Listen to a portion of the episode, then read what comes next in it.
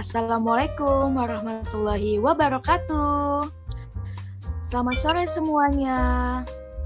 Bersama kami, PG Paut Tuhamka, melalui podcast ini saya akan mengajak kalian semua sharing dan membahas hal-hal yang menarik untuk kaula muda yang akan menjadi calon pendidik hebat untuk masa depan merdeka.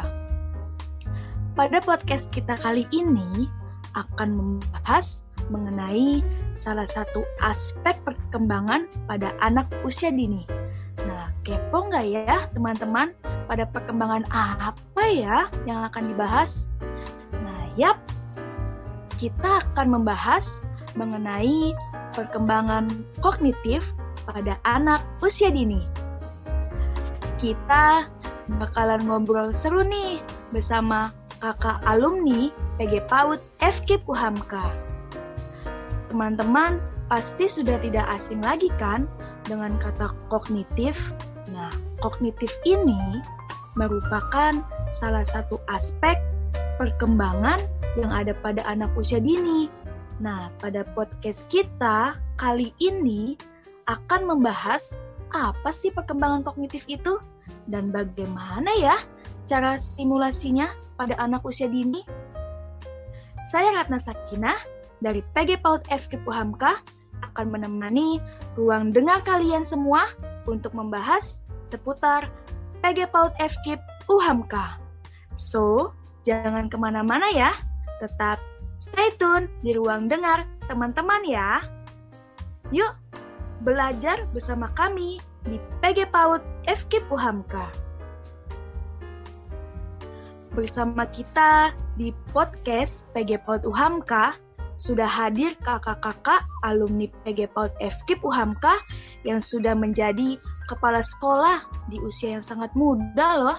Nah penasaran kan teman-teman siapa ya narasumber kita hari ini? Nah inilah dia Kak Sizu. Assalamualaikum Kak. Selamat sore Kak Sizu. Waalaikumsalam Kak Ratna, selamat sore. Hai teman-teman semua, berjumpa lagi dengan uh, saya Sizu. Oke, nah teman-teman sudah tidak asing kan dengan Kak Sizu? Beberapa waktu yang lalu, Kak Sizu sudah pernah nih sering-sering mengenai pengalamannya menjadi kepala sekolah di usia mudanya loh. Wah, hebat ya. Nah, Kak, sebelum kita ngobrol, dan sharing lebih lanjut nih kak, aku mau tanya, kabar kakak gimana nih kak kabarnya? Apakah baik hari ini kak Sizu? Alhamdulillah, tetap semangat. Allahu Akbar, yes. Allahu Akbar, Alhamdulillah.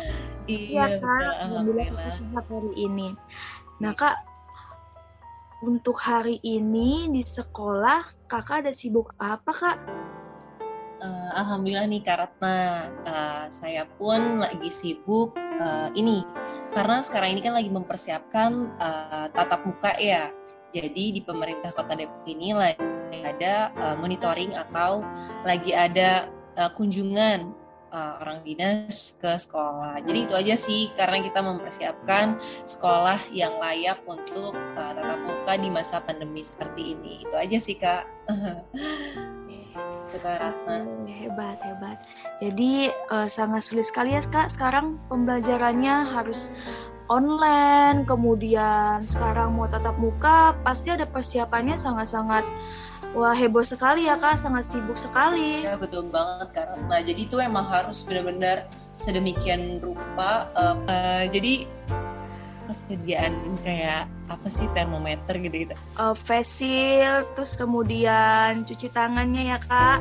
Iya betul sekali karena terus pembersih, kemudian di fax apa namanya ruangannya? Iya betul, ruangannya juga emang harus uh, tidak boleh berkedap udara gitu, jadi harus terbuka seperti itu. Biar udaranya tuh uh, apa sih bagus gitu untuk anak-anak belajar. Sekali lah ya kak, biar aman, kemudian biar tidak ada virus-virus dan prokesnya pasti bener-bener ketat ya kak. Iya betul banget prokesnya itu emang harus ketat banget seperti itu. Oke, terima kasih ya kak. Wah hebat sekali nih. Sibuk dan semoga sehat selalu ya kak amin, untuk amin. kegiatan uh, kesibukannya di sekolah. Amin. Karena juga ya harus sehat. Ya, alhamdulillah sehat. Nah nih kak, Ratna dan teman-teman audiens mau tanya nih kak seputar tentang perkembangan kognitif pada anak usia dini. Nah, boleh dong Kak dijelaskan secara singkat apa sih uh, perkembangan kognitif itu menurut Kakak? Ya, menurut saya gini, uh, perkembangan kognitif ini merupakan kemampuan anak untuk mempelajari keterampilan dan konsep baru yang terjadi di lingkungannya. Seperti itu, Kak Ratna. Oh, jadi seperti itu. Jadi uh, perkembangan kognitif itu bagaimana anak itu juga bisa mengolah informasi dari lingkungannya, lingkungannya sekitar seperti itu ya kak? Iya betul banget. Iya, bagaimana cara memecahkan masalahnya juga bisa ya kak? Ya, memecahkan masalahnya bisa seperti itu. Ya, oke. Okay. Nah, gini kak, uh, dalam perkembangan kognitif pasti uh, anak usia dini itu harus distimulasi dong kak. Iya betul. Bagaimana Pak. perkembangan kognitif uh, anak usia dini ini dengan baik perkembangannya. Nah, uh, bagaimana sih kak menurut kakak cara stimulasinya yang baik untuk anak usia dini? Seperti itu? Ya, jadi gini Kak Ratna, uh, kita sebagai pendidik uh, harus tahu nih stimulasi yang tepat untuk anak-anak usia dini. Dan begitupun uh, anak usia dini ini berbeda tahapan tahapannya karena jadi dari usia uh, usia 2 sampai 3 tahun 2 sampai 3 tahun salah satunya itu tahapannya melihat dan menyentuh benda yang ditujukan oleh orang lain contohnya Bunda Ria memegang gelas dan anak pun menyebutkan benda yang dipegang guru tersebut. Seperti itu contohnya salah satunya. Kemudian untuk tahap usia 3 sampai 4 tahun, salah satunya mengenal konsep banyak dan sedikit. Contohnya nih, Bundaria menyediakan dua wadah. Di dalamnya ada kelereng dengan isian berbeda. Jadi anak bisa melihat banyak sedikit benda tersebut. Selanjutnya, usia 4 sampai 5 tahun, tahapannya meng mengurutkan benda berdasarkan 5 seriasi ukuran atau warna. Kemudian yang ke uh, usia 5 sampai 6 tahun yaitu tahapannya mengklasifikasikan benda yang lebih banyak ke dalam kelompok yang sama atau kelompok yang sejenis ataupun kelompok berpasangan yang lebih dari variasi. Jadi untuk stimulasi anak uh, ada tahapan usianya nih kak nggak boleh namanya sembarangan tiba-tiba uh, yang seharusnya tahapannya ini untuk usia 5-6 tahun eh sudah diberikannya ke usia 2 sampai 3 tahun. Jadi itu tidak sesuai dengan tahapannya. Seperti itu Kak Ratna. Jadi untuk stimulasinya itu nggak boleh namanya sembarangan seperti itu. Jadi setiap tahap-tahapan perkembangan kognitif anak itu berbeda-beda ya kak ya. Ya, benar. Bagaimana usia 0 uh, sebelum dia lah apa namanya sesudah dia lahir pertama kali dia lahir tuh usia 0 ya kan 0 bulan kemudian sampai dia 2 tahun. Ya kan kak? Itu sangat berbeda stimulasinya. Kemudian uh, ada dua tahap ya kak untuk untuk perkembangan kognitif anak itu di mana pasti kakak udah tahu kan ya di mana ada tahap sensori motoriknya ya kan? Kemudian tahap pra operasionalnya juga ya kak. Ya, di mana anak usia dini ini saya tahu uh, anak usia dini itu ada dua tahap ya kan kak ya iya betul banget iya jadi uh, benar sekali kak karena ya perbedaan-perbedaan perkembangan itu harus disesuaikan. Kalau tidak disesuaikan, nanti anak itu akan kesulitan dalam uh, memecahkan masalahnya, dalam cara berpikirnya seperti itu ya kak. Iya betul banget kak Ratma. Iya oke. Okay.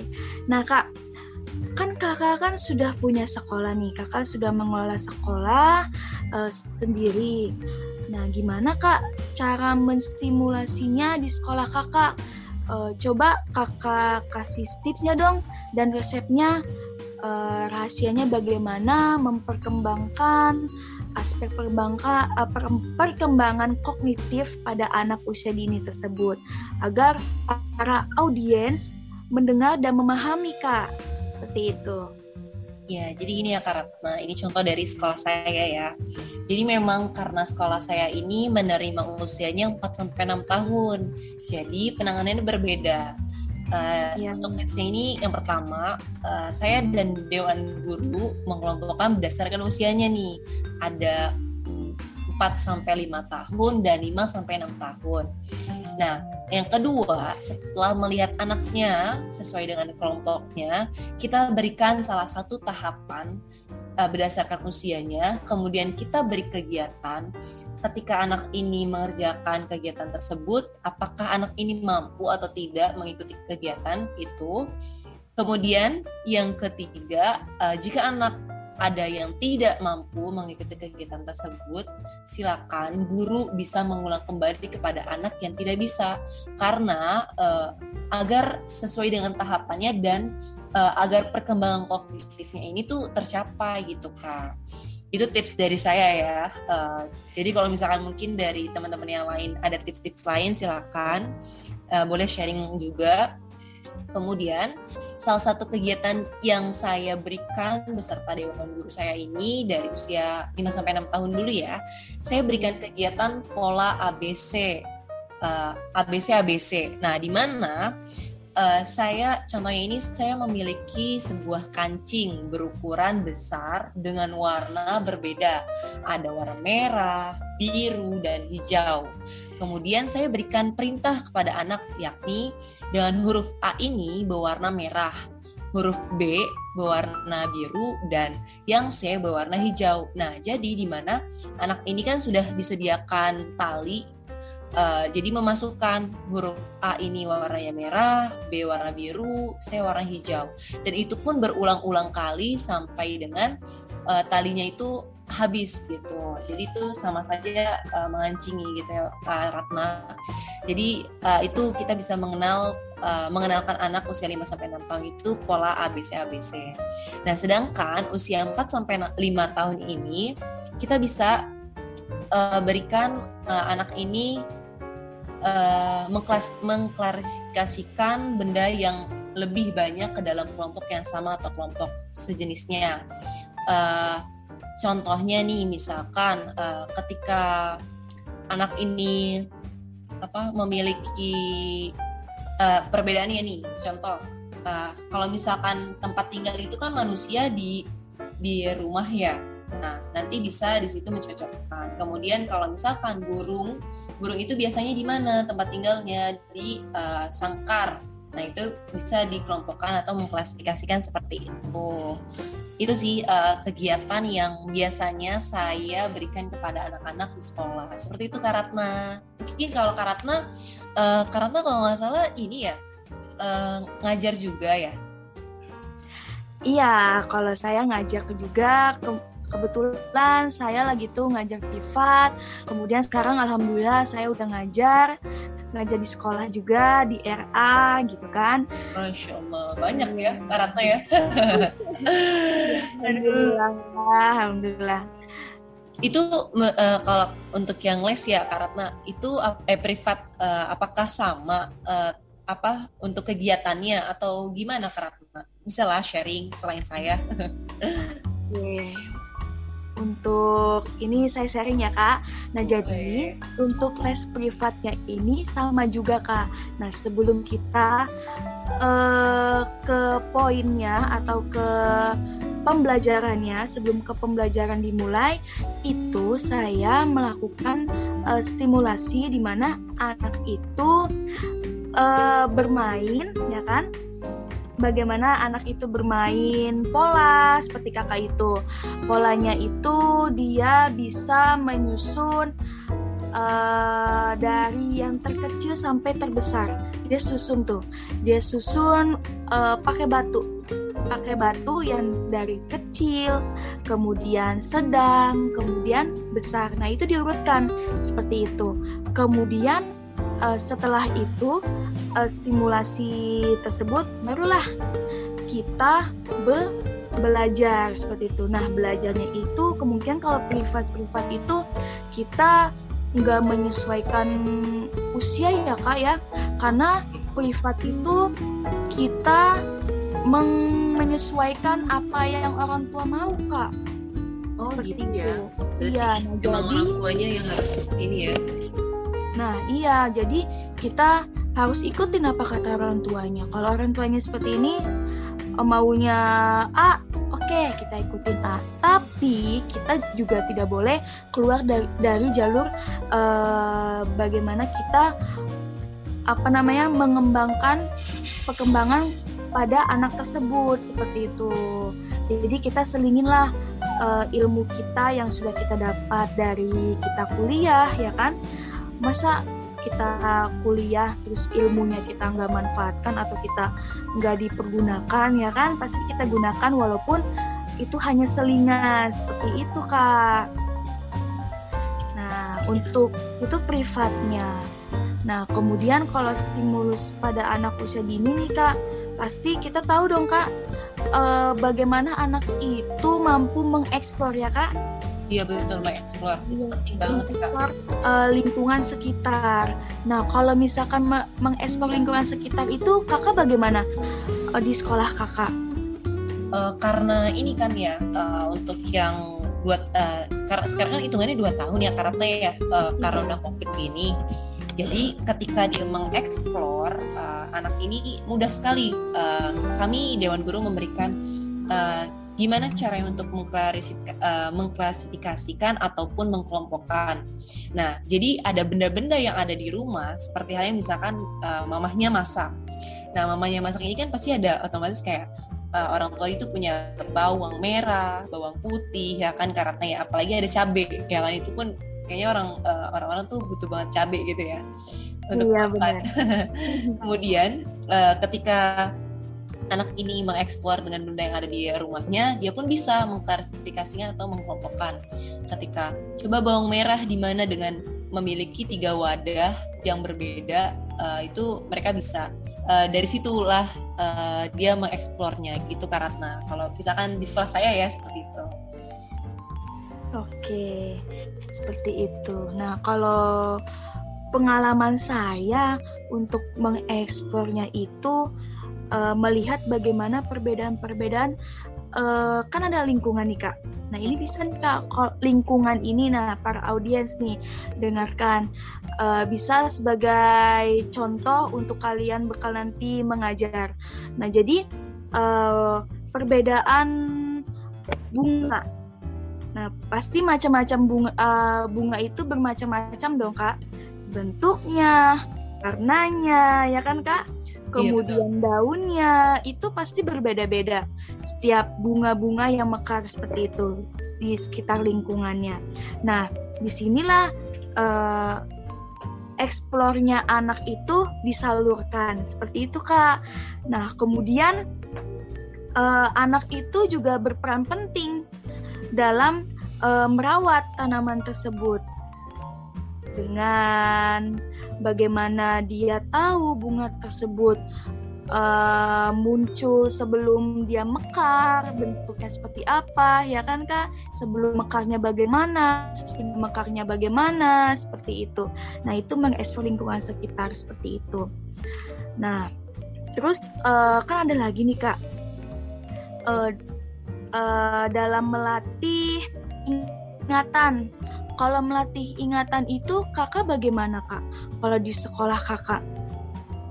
Jadi gini, ketika recalling kita pun juga buka kelas gitu um, uh, karena jadi ketika recalling kita sampaikan apalagi kan sekarang udah uh, teknologi makin canggih ya kayak jadi kita recallingnya ini untuk mengingatkan ke anak-anak uh, kita pertama berikan apa kegiatan itu uh, kegiatan-kegiatan yang ada di grup WhatsApp. Dan nanti kami minta tolong kepada orang tua tanyakan ke anak uh, apa saja yang sudah dilakukan hari ini. Gitu aja sih kak. Oh gitu. Ya oke. Berarti kan kita secara online ya kak ya. Jadi uh, yang merek merekolingnya itu berarti ibunya ya kan kak? Jadi kita yeah. menerima informasinya tersebut dari orang tuanya melalui media WhatsApp seperti itu ya kak? Iya. Iya, oke. Okay.